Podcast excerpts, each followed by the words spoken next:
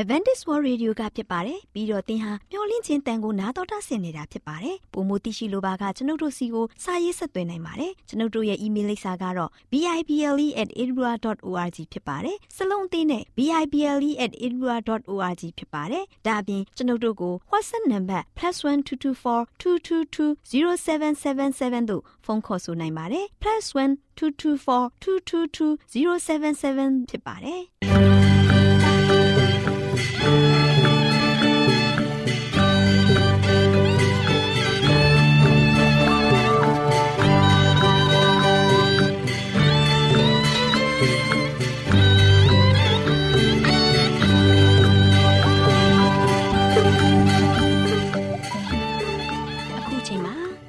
တော်ကိုမျော်လင့်သောတတ္တမနေ့အသင်းတော်ရဲ့ရေဒီယိုအစီအစဉ်ဖြစ်တဲ့ AWR မျော်လင့်ခြင်းအတန်လွင့်အစီအစဉ်ကိုစတင်တန်လွင့်မှာဖြစ်ပါတယ်ရှင်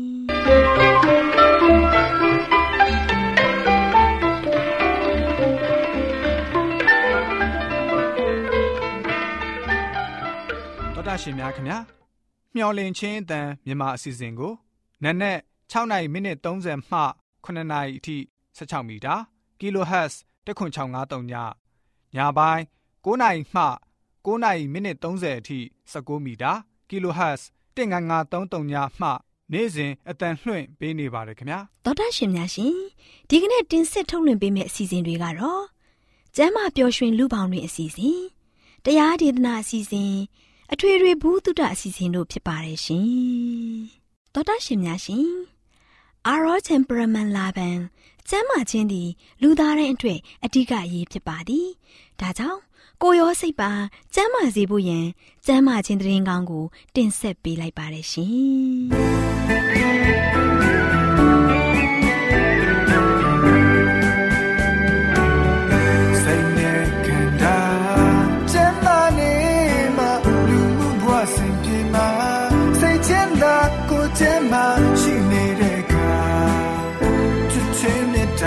တာများစွာပေးကဲဝေမျှပါ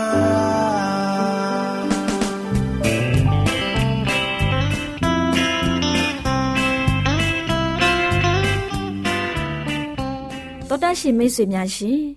လူသားတို့အသက်ရှင်ရေးအတွက်အစာအာဟာရကို မိဝဲစားတောက်ကြရတယ်ဆိုတာလူတိုင်းသိပါပဲဒီလိုစားတောက်ကြတဲ့အခါမှာစားတောက်မှုမမှန်ကန်တာတွေစားတောက်မှုအချိန်မတော်တာတွေကြောင့်ကျန်းမာရေးထိခိုက်လာလို့ယောဂဗျာတွေတိုးပွားပြီးဒုက္ခဝေဒနာတွေခံစားကြရတာဖြစ်တယ်ဒါကြောင့်အစာအာဟာရတွေကိုကျန်းမာရေးနဲ့ညီညွတ်အောင်ဘယ်လိုစားတောက်သင့်တယ်လဲဆိုတာသိရှိဖို့အတွက်ကျမတို့မျှဝင့်ခြင်းအတမထုတ်လွှင့်ပေးမယ်အစာအာဟာရဆိုင်ရာအကြံပေးချက်တွေကိုလေ့လာမှတ်သားကြပါစို့ သောတာရှင်များရှင်ဒီနေ့တင်ပြပေးမယ့်အကြောင်းအရာကစားကျူးတောက်ကျူးခြင်းဆိုတဲ့အကြောင်းနဲ့ပတ်သက်ပြီးတင်ပြပေးမှာဖြစ်တယ်သောတာရှင်များရှင်တာမန်စားတာတွေတောက်တာတွေနဲ့ဝတ်တာတွေထက်ပိုပြီးတော့စ조사လှုပ်ဆောင်နေတဲ့အရာအချို့ကိုကျမတို့ခရစ်တော်ဘုရားကတင်ပြထားပါတယ်ဂေါမောရနဲ့တောတုံမြို့သားတွေဟာရာဇဝမှုကျူးလွန်တဲ့အထိစားတောက်ခြင်းနဲ့ဝတ်စားစီရင်မှုတွေမှာအလွန်အကျူးဖြစ်နေတယ်။ အဲ့ဒီလွန်ကျူးမှုတွေဟာနောက်ဆုံးသောခေတ်ကာလမှာထင်ရှားတဲ့အဖြစ်တွေမှာပါဝင်ရုံသာမကဘူးခရစ်တော်ဘုရားကြွလာခြင်းရဲ့နမိတ်လက္ခဏာတွေလည်းဖြစ်တယ်။ကျမတို့ကိုအနှင်းထားတဲ့ထာဝရဘုရားသခင်ပိုင်တော်မူတဲ့အချိန်ငွေကြေးနဲ့ခွန်အားဆုပ်ယုပ်ပြီးတော့ယောဂရစေမဲ့အစားအသောက်နဲ့ဝတ်ဆင်မှုတွေအတွက်ကျမတို့သုံးဖြုံပြစ်နေကြတယ်။အပြစ်နဲ့ပြည့်ဝတဲ့လောကပြောင်းမွေ့ခြင်းလိုက်စားမှုတွေအပြင်ယောဂဗျာနဲ့ပြည့်ဝ ပြည့်ရွင်းစေလျက်ရှိတဲ့ကျမတို့ရဲ့ကိုယ်ခန္ဓာကိုအသက်ရှင်ခြင်းနဲ့ပြည့်စုံတဲ့ရစ်ကောင်အဖြစ်ထာဝရဘုရားသခင်ရဲ့ရှေ့တော်မှာအနံဖို့မဖြစ်နိုင်တဲ့အရာတခုဖြစ်နေတယ်။လူသားတွေရင်ဆိုင်ရမယ့်အပြင်းထန်ဆုံးစုံစမ်းနှောက်ယှက်ခြင်းတွေမှာဂရွေးတောင့်တခြင်းဟာတခုအပါဝင်ဖြစ်တယ်။အစအဦးမှာထာဝရဘုရားသခင်ဟာလူသားတွေကိုတမာတိနဲ့ပြည့်စုံအောင်ဖန်ဆင်းခဲ့တယ်။တည်ငြိမ်တဲ့စိတ်အချိုးစစ်ကြနာတဲ့ပုံသဏ္ဍာန်ကိုအင်္ဂါတွေရဲ့ဟန်ချက်ညီညီဖွံ့ဖြိုးတဲ့ခွန်အားတွေနဲ့ ပြည့်ပြည့်စုံစုံဖန်ဆင်းတော်မူခဲ့တယ်။ဒါပေမဲ့စာရမဏေရဲ့လှည့်ပြားမှုအောက်မှာဘုရားသခင်ရဲ့တားမြစ်ချက်တွေကိုဂရုမပြုခဲ့ဘူး။ဒါကြောင့်တဘာဝတရားမှာပြစ်ဒဏ်စီရင်မှုအလုံးစုံပေါ်ပေါက်ခဲ့ရတာဖြစ်တယ်။ကတွင်တောင့်တမှုကိုပထမအကြိမ်ဖြစ်စည်းတဲ့အချိန်မှစပြီးလူသားတွေဟာမိမိတို့ရဲ့ကျမ်းမာရေးကိုကတွင်တောင့်တခြင်းရရစ်ပလင်ထက်မှာအနံပူဆိုတဲ့အထိမိမိရဲ့အလိုဆန္ဒများရဲ့ လိုက်လျောခြင်းအမှုကို ပိုးပြီးတော့ကျင့်သုံးခဲ့ကြတယ်။သောတရှင်များရှင်ရေလွှမ်းမိုးတဲ့ခေတ်ကာလမတိုင်မီမှလူသားတွေဟာအစာအသောက်မှာချုပ်တီးမှုမရှိခဲ့ကြပါဘူး။အဲ့ဒီခေတ်အဲ့ဒီအချိန်ခါကအသားစားဖို့ဖျားသခင်ကခွင့်မပြုသေးတဲ့တိုင်အောင်သူတို့ဟာတရိษံအသားတွေကိုစားနေကြပြီဖြစ်တယ်။သူတို့ကိုဖျားသခင်ဟာတိမခံနိုင်တော့တဲ့အခြေအနေထိအောင်အဲ့ဒီလူတွေဟာအငန်းအတာမဲ့ကတွေးအလူကိုဖြစ်စည်းခဲ့ကြတယ်။ သူတို့ရဲ့မကောင်းမှုခွက်ဖလားဟာပြည့်ရှံလျက်ရှိတဲ့အတွက်ဖျားသခင်ဟာဒီကဘာကြီးကိုရေနဲ့ဆေးကြောတော်မူခဲ့တယ်။သောတရှင်များရှင်တောရုံနဲ့ဂေါမောရမြို့ကိုကျမတို့ပြန်ကြည့်မယ်ဆိုရင်ရေလွှမ်းမိုးခြင်းခစ်လွန်ကာလမှာလူသားတွေဟာတိုးဝါများပြားလာခဲ့တယ်။အဲ့ဒီသူတွေဟာဖျားသခင်ကိုတဖန်မိလျော့ကြပြန်တဲ့အတွက်ရှေ့တော်မှာညဉ့်ညမ်းတဲ့အမှုတွေကိုပြုခဲ့ကြတယ်။ကဘာကြီးတစ်ခုလုံးဟာမကောင်းမှုတွေနဲ့ဖုံးလွှမ်းနေတဲ့ အခြေကိုရောက်တဲ့အထိချုပ်တီးချင်းကင်းမဲ့တဲ့လောက်ရတွေကိုပုံစံအမျိုးမျိုးနဲ့ပြုလုပ်ဆောင်ရွက်နေခဲ့ကြတယ်။ဖျားသခင်ဖန်ဆင်းထားတဲ့ตาရတဲ့မြေပေါ်မှာသူတို့ကိုအမဲဆက်ဖြစ်စေတဲ့တော်လန်ချားနာတဲ့အဖြစ်တွေနဲ့ရောက်ညံ့တဲ့ရာဇဝမှုတွေကြောင့်အဲ့ဒီမြို့နှမျိုးစလုံးကိုကဘာမြေပြင်ကနေပြီးတော့ပယ်ရှင်းပစ်တော်မူခဲ့တယ်။တဘာဝနဲ့ဆန့်ကျင်တဲ့ကတွင်တောင့်တမှုကို ဖြစ်စည်းခြင်းဟာအဲ့ဒီတောရုံမြို့နဲ့ဂေါမောရမြို့တွေရဲ့ ပျက်စီးရာပျက်စီးကြောင်ဖြစ်စေတဲ့အဖြစ်တွေကိုကျူးလွန်စေခဲ့ပါတယ်။ဘာဘူးလုံမြို့ကြီးဟာလည်းစာကျူးတောက်ကျူးအကျင့်စရိုက်တွေကြောင့်ပျက်စီးခဲ့ရကြောင်းကိုထာဝရဘုရားသခင်ဖော်ပြတော်မူခဲ့တယ်။ကတွင်တောင့်တမှုနဲ့အလိုရမက်တွေကိုဖြစ်စည်းခြင်းဟာအပြစ်အားလုံးရဲ့မူလအခြေအမြစ်ဖြစ်တယ်ဆိုတဲ့အကြောင်းဒီကနေ့အစာအာဟာရဆိုင်ရာအကြံပေးချက်ကဏ္ဍမှာကျန်းမာရေးအတွက်အသိပေးအကြံပေးတင်ပြလိုက်ပါရရှင်။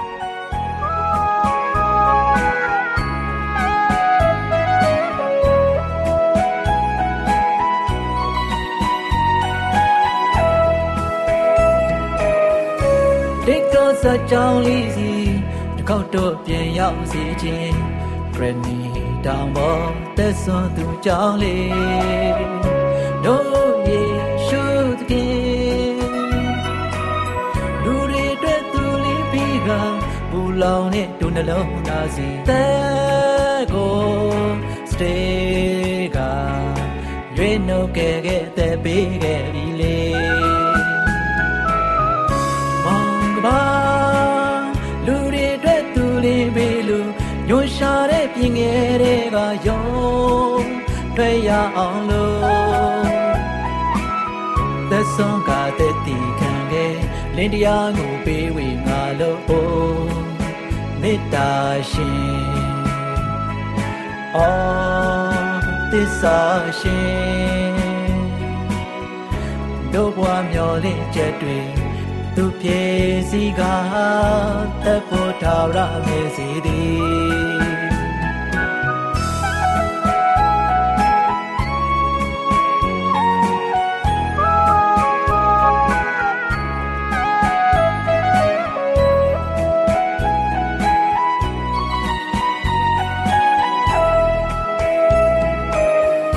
ပြည့်ရဲ့နိုးတဲ့နိခါယုံထွက်ဆိုယုံမြနိုင် ကြတယ်ကဲစေကူမာလူတွေအတွက်သူလေးပေးကပူလောင်တဲ့ဒုနှလုံးသားစီတဲ့ရဲ့အသက်ကိုတိုက်ကျွေးနိုင်ဖို့တို့များတွေပါလေမောင်ကပါ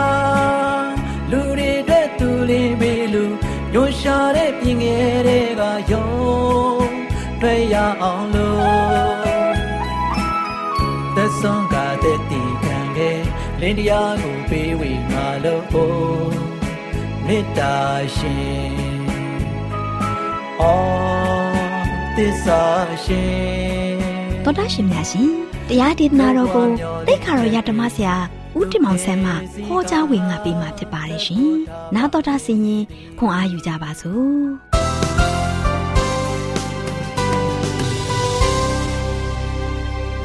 တော်မိတ်ဆွေများမင်္ဂလာပေါင်းနဲ့ပြေဝဆုံနေကြပါစေယခုလိုမင်္ဂလာရှိတဲ့နေ့တင်ပါလို့ရှိရင်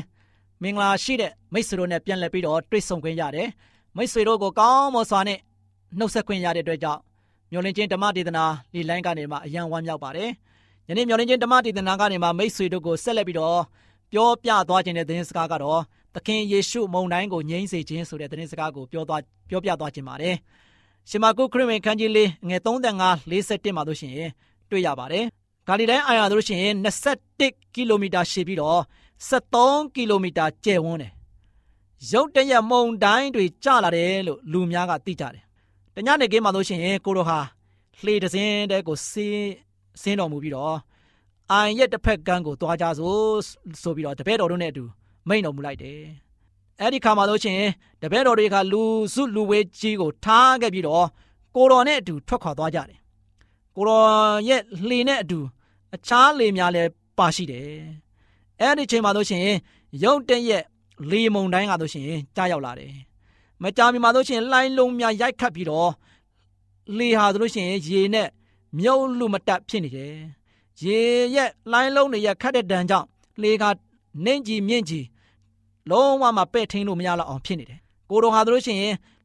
လေရဲ့ပဲ့ပိုင်းမှာလို့ရှိရင်မိအောင်ပြီးတော့သူကလို့ရှိရင်အိပ်ပြုံနေတယ်။ဒီချိန်မှာလို့ရှိရင်တပည့်တော်တွေကလို့ရှိရင်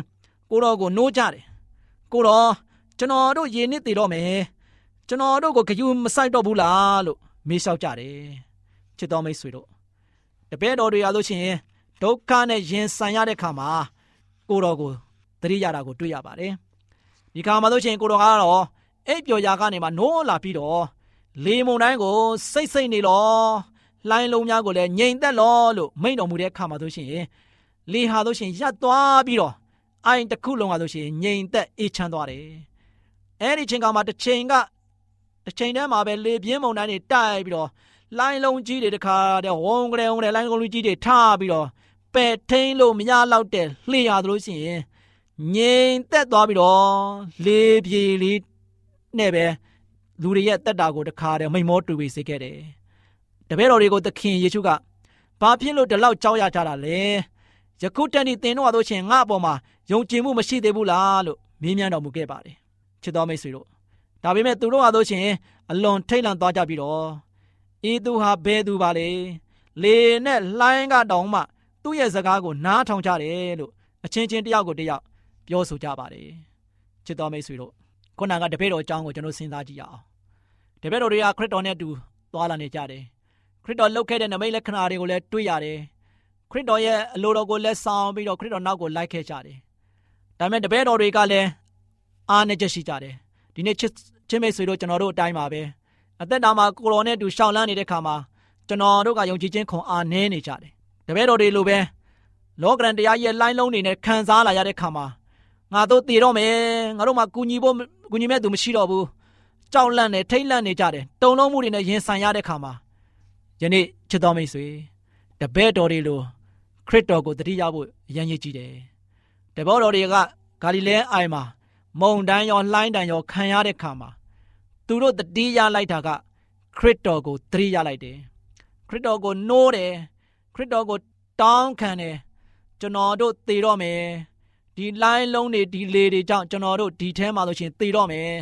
ကိုတော်ကုညီတော်မူပါမဆတော်မူပါဆိုပြီးတော့ခရစ်တော်ကိုတတိယတန်တာစွာနဲ့ပြောဆိုခဲ့တယ်ဒါကြောင့်ချင်းမိတ်ဆွေတို့ယနေ့ချင်းမိတ်ဆွေတို့မှာလည်းလောကရန်တရားရဲ့ဖီစီနှိမ့်ဆက်မှုတွေလောကရန်ရဲ့လိုင်းလုံးတန်တွေမြောင်များစွာရိုက်ခတ်မှုတွေတင်တို့ခံစားနေရတယ်ဒီခံစားနေရတဲ့ဝေဒနာတွေပြင်းပြတဲ့ခါမှာယနေ့တပည့်တော်တွေလို့တင်တို့လည်းခရစ်တော်ကိုတတိယဖို့ရည်ကြည်တယ် ခရစ်တော်ကိုခေါ်ဖို့ရည်ကြည်တယ်ခရစ်တော်ကခေါ်တဲ့ခါမှာလို့ရှိရင်ဘာပြောလဲငါ့ကိုခေါ်တဲ့ခါမှာငါထူးမယ်ဆိုပြောတဲ့ဖရားဖြစ်တယ်ဒါကြောင့်ချစ်တော်မိတ်ဆွေတို့ယနေ့ဒီသတင်းစကားကိုကြားနာရတဲ့ခါမှာတင်တို့ရဲ့လောကရဲ့ဖိစိနှိမ့်ဆက်မှုလောကရန်တရားကြီးရဲ့လှိုင်းတန်တွေကနေမှခံစားရတဲ့ခါမှာလွတ်မြောက်ဖို့ရန်အတွက်နီလန်းကတော့သင်တို့ခရစ်တော်စီကိုအရောက်လန်းပြီးတော့ခရစ်တော်ကိုခေါ်တဲ့သူများဖြစ်ဖို့ရန်အတွက်တရင်ပေးခြင်းဖြစ်ပါတယ်။ဒါကြောင့်ချစ်မိတ်ဆွေများယနေ့အသက်တာကို သင်တို့ပြန်လည်ပြီးတော့စမ်းစစ်ပါ။သင်တို့ရဲ့အသက်တာမှာရှောင်လန်းရတဲ့ခါမှာနော်ကျွန်တော်တို့အားလုံးကตาရပျော်ရွှင်တဲ့နေရာမဟုတ်တော့ဘူး။ယနေ့လောကကြီးကခက်ထန်ကြမ်းတမ်းပြီးတော့ပုံမပြီးမှလိုင်းတန်နေပြင်းပြနေတဲ့အချိန်ခါရောက်နေပြီ။ဒီအချိန်ခါမှာကျွန်တော်တို့ခရစ်တော်ဒီကိုအရောက်လန်းပြီးတော့ခရစ်တော်နဲ့သူလက်တွဲပြီးတော့ခရစ်တော်ဘုရားကိုခေါ်ဖိတ်နိုင်သောသားသမီးများခရစ်တော်ရဲ့အကူအညီကို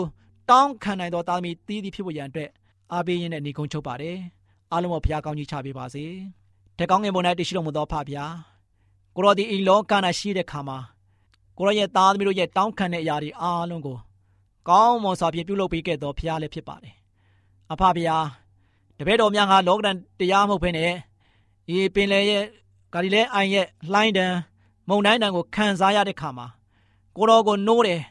ကိုတော်ကိုအသိပေးတယ်ကိုတော်ကိုတန်းတာတဲ့ခါမှာကိုတော်ဒီတပည့်တော်တွေရဲ့စိုးရင်မှုစိုးကြောင်းလန့်မှုတွေကနေမှ ကိုတော်ကပြေငိမ့်နိုင်ဖို့ရန်အတွက်လှုပ်ဆောင်ပေးခဲ့ပါတယ်လေနဲ့လှိုင်းကိုလည်းကိုတော်ငြိမ်သက်စေခဲ့ပါတယ်ယနေ့ကျွန်တော်မျိုးတို့ရဲ့တက်တာမိတ်ဆွေတို့ရဲ့တက်တာမှာခံစားနေရတဲ့လောကဒဏ်တရားရဲ့လှိုင်းတံတွေကိုခံစားရတဲ့ခါမှာကိုတော်ရဲ့လက်ယုံတော်ကိုဆန့်တန်းတော်မူ၍သားသမီးတို့ရှေ့မှာရှိနေတဲ့လှိုင်းတံမုန်တိုင်းတံတွေကိုကိုရှင်ဖာဖျားဖယ်ရှားပေးတော်မူပြီးငြိမ်သက်ခြင်းပေးခြင်းအပြင်သားသမီးတို့တက်တာသည်ကိုရိုနဲ့တူပျော်မွေ့ပြီးတာယာယာသောခွင့်ကိုပေးတော်မှာပြီးကြောင်းတပိုင်တော်သားတော်သခင်ခရစ်တော်၏နာမတော်ကိုမြည်ပြီးစတောင်းပါတယ်ဖာဖျား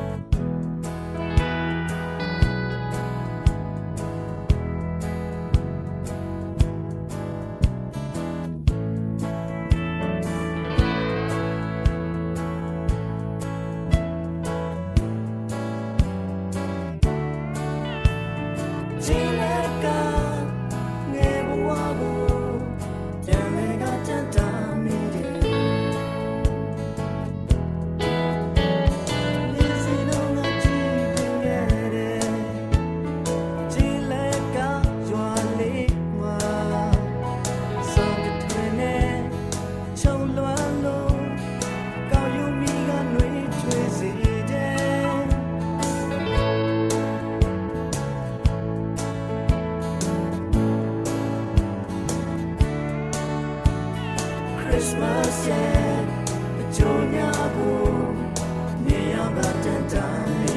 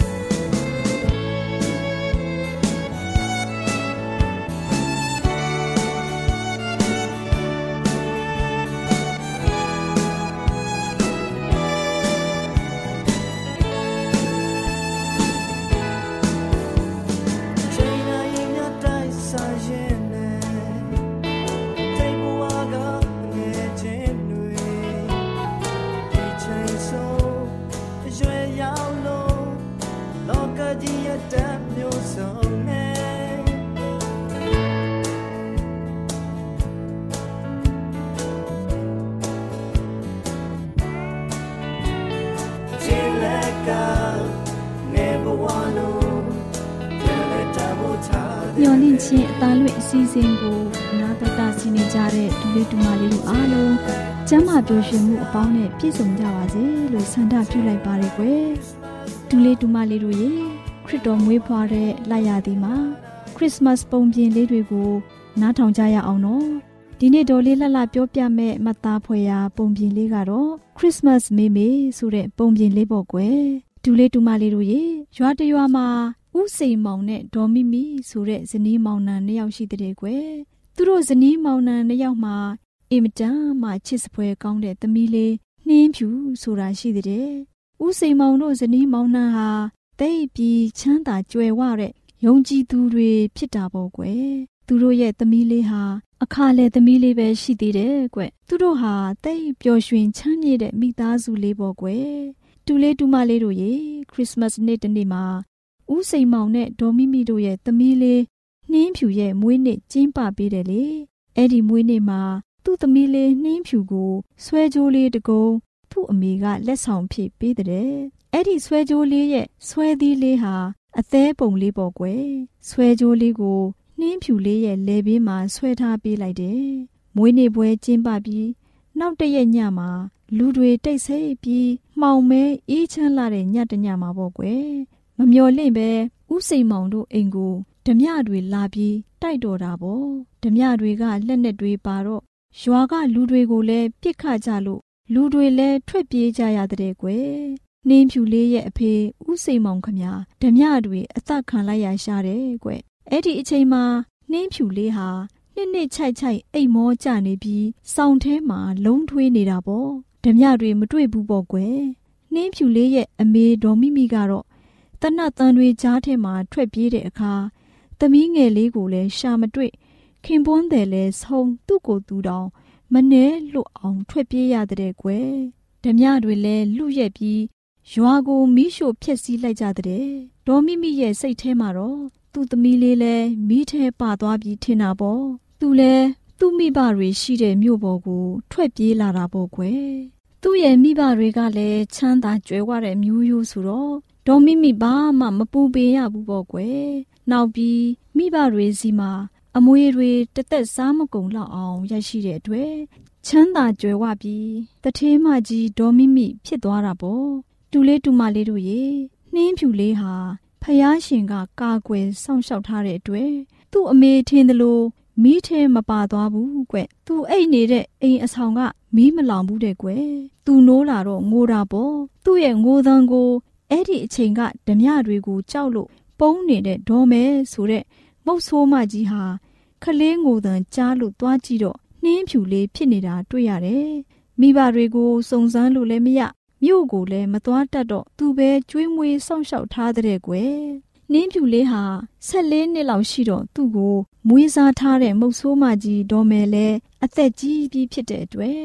ရုတ်တရက်ကွယ်လွန်သွားရှာတဲ့ကွယ်။ နင်းဖြူလေးလဲအားကိုးရမဲ့ဖြစ်သွားတာပေါ့။နင်းဖြူလေးဟာငယ်စဉ်ကသူ့ရဲ့နာမည်နှင်းဖြူဆိုတာကိုမသိဘူးကွ။သူ့ရဲ့မွေးစားအမေမုတ်ဆိုးမကြီးဒေါ်မယ်ခေါ်တဲ့မိဖြူဆိုတဲ့နာမည်ပဲသူသိတယ်။ဒါပေမဲ့သူ့ရဲ့ဆွဲသီးလေးထဲမှာရေးထားတဲ့နာမည်လေးနှင်းဖြူဆိုတာကိုတော့သူနားမလည်နိုင်ဘူးပေါ့။တနေ့တော့အားကိုးရမဲ့မိဖြူလေးကိုရွာကိုလာလေတဲ့ဧည့်သည်အတော်ကြီးတယောက်က အလုတ်သွင်းပေးမယ်ဆိုပြီးမြို့ကိုခေါ်သွားလေရဲ့ကွယ်။အလုတ်ကတော့အိမ်ဖော်အလုတ်ပေါ့။သူသွားလို့ရတဲ့အိမ်ကတော့တထေးမကြီးဒေါ်မိမိအိမ်ပေါ့။ဒေါ်မိမိဟာ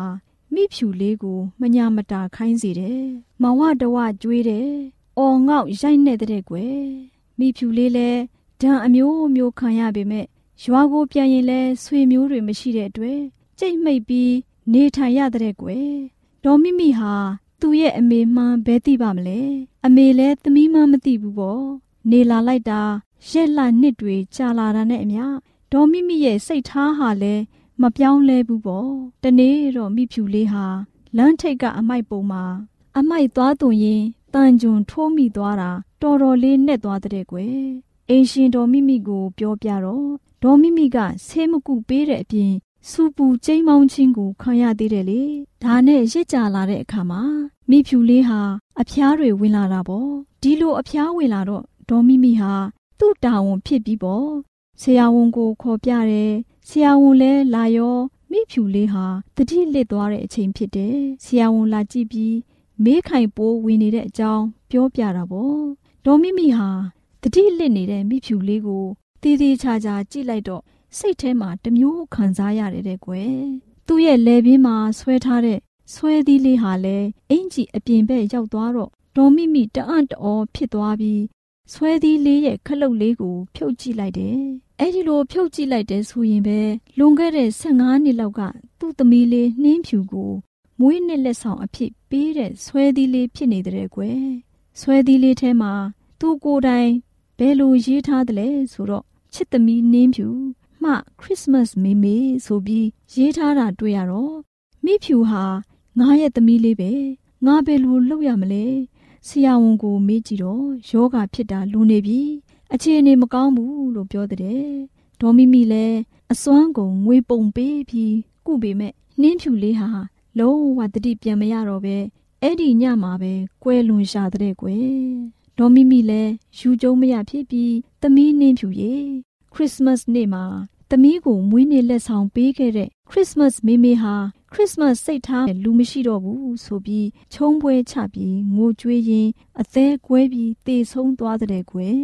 တူလေးတူမလေးတို့လည်းဒီပုံပြင်လေးကိုသင်ခန်းစာယူရင်းခရစ်စမတ်မှာခရစ်စမတ်စိတ်ထားလေးတွေထားပြီးပြစ်တာပွားနိုင်ကြပါစေလို့ ဒေါ်လေးလှလှဆုတောင်းလိုက်ပါတယ်ကွယ်တူလေးတူမလေးတို့အားလုံးခရစ်စမတ်မေမေဆိုတဲ့ပုံပြင်လေးကိုနာတော်တာစင်းရင်ကျွေလန်းထမ်းမြေကြပါစေကွယ်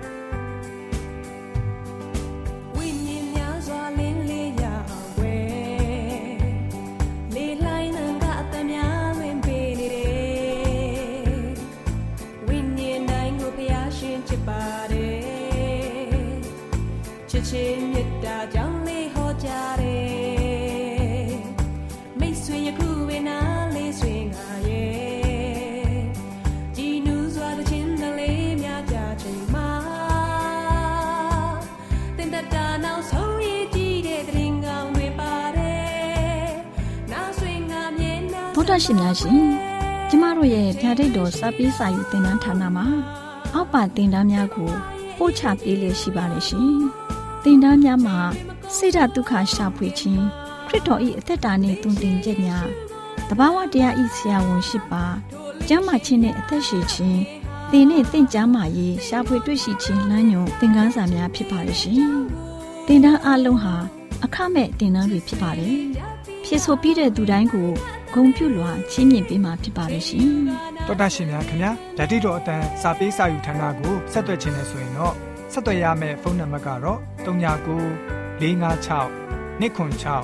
336နဲ့39 98 316 694ကိုဆက်သွင်းနိုင်ပါတယ်။ဒါ့အပြင်အသံစာပေးစာဥထာဏာကိုအီးမေးလ်နဲ့ဆက်သွယ်ခြင်းနဲ့ဆိုရင်တော့ l a l r a w n g b a w l a @gmail.com ကိုဆက်သွင်းနိုင်ပါတယ်။ဒါ့အပြင်အသံစာပေးစာဥထာဏာကို Facebook နဲ့ဆက်သွယ်ခြင်းနဲ့ဆိုရင်တော့ SOESANDAR Facebook အကောင့်မှာဆက်သွင်းနိုင်ပါတယ်။ဒေါက်တာရှင်များရှင်ညိုလင့်ချင်းတန်ရေဒီယိုအစီအစဉ်မှာတင်ဆက်ပေးနေတဲ့အကြောင်းအရာတွေကိုပိုမိုသိရှိလိုပါကဆက်သွယ်ရမယ့်ဖုန်းနံပါတ်များကတော့39ကို663 686 826ဖြစ်ပါတယ်ရှင်။နောက်ထပ်ဖုန်းတစ်လုံးနေနဲ့ 39ကို6 6 886တို့ဆက်သွယ်မြင်းမြန်းနိုင်ပါတယ်ရှင်။သောတာရှင်များရှင် KSTA အာကခွန်ကျွန်းမှာ AWR မျိုးလင့်ချင်းအတံမြန်မာအစီအစဉ်များကိုအတန်လွှင့်ခဲ့ခြင်းဖြစ်ပါတယ်ရှင်။ AWR မျိုးလင့်ချင်းအတံကိုနာတော်တာဆင် gay ကြတော့တောတာရှင်အရောက်တိုင်းပေါ်မှာဘုရားသခင်ရဲ့ကြွယ်ဝစွာသောကောင်းကြီးမင်္ဂလာတက်ရောက်ပါစေ။ကိုစိတ်နှဖျားစမ်းမွှေလန်းကြပါစေ။ကျေးဇူးတင်ပါတယ်ခင်ဗျာ။။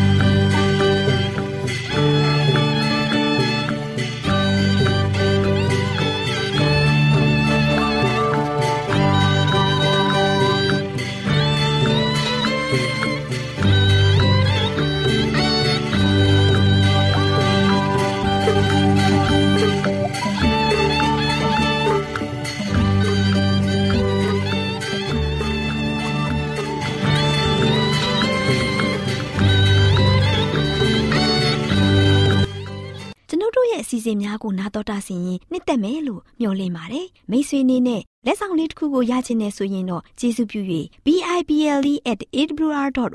သို့စာရေးပေးပါ။ဒါမှမဟုတ်ကျွန်ုပ်တို့ကို WhatsApp နံပါတ် +1224 222 0777သို့ဖုန်းခေါ်ဆိုနိုင်ပါတယ်။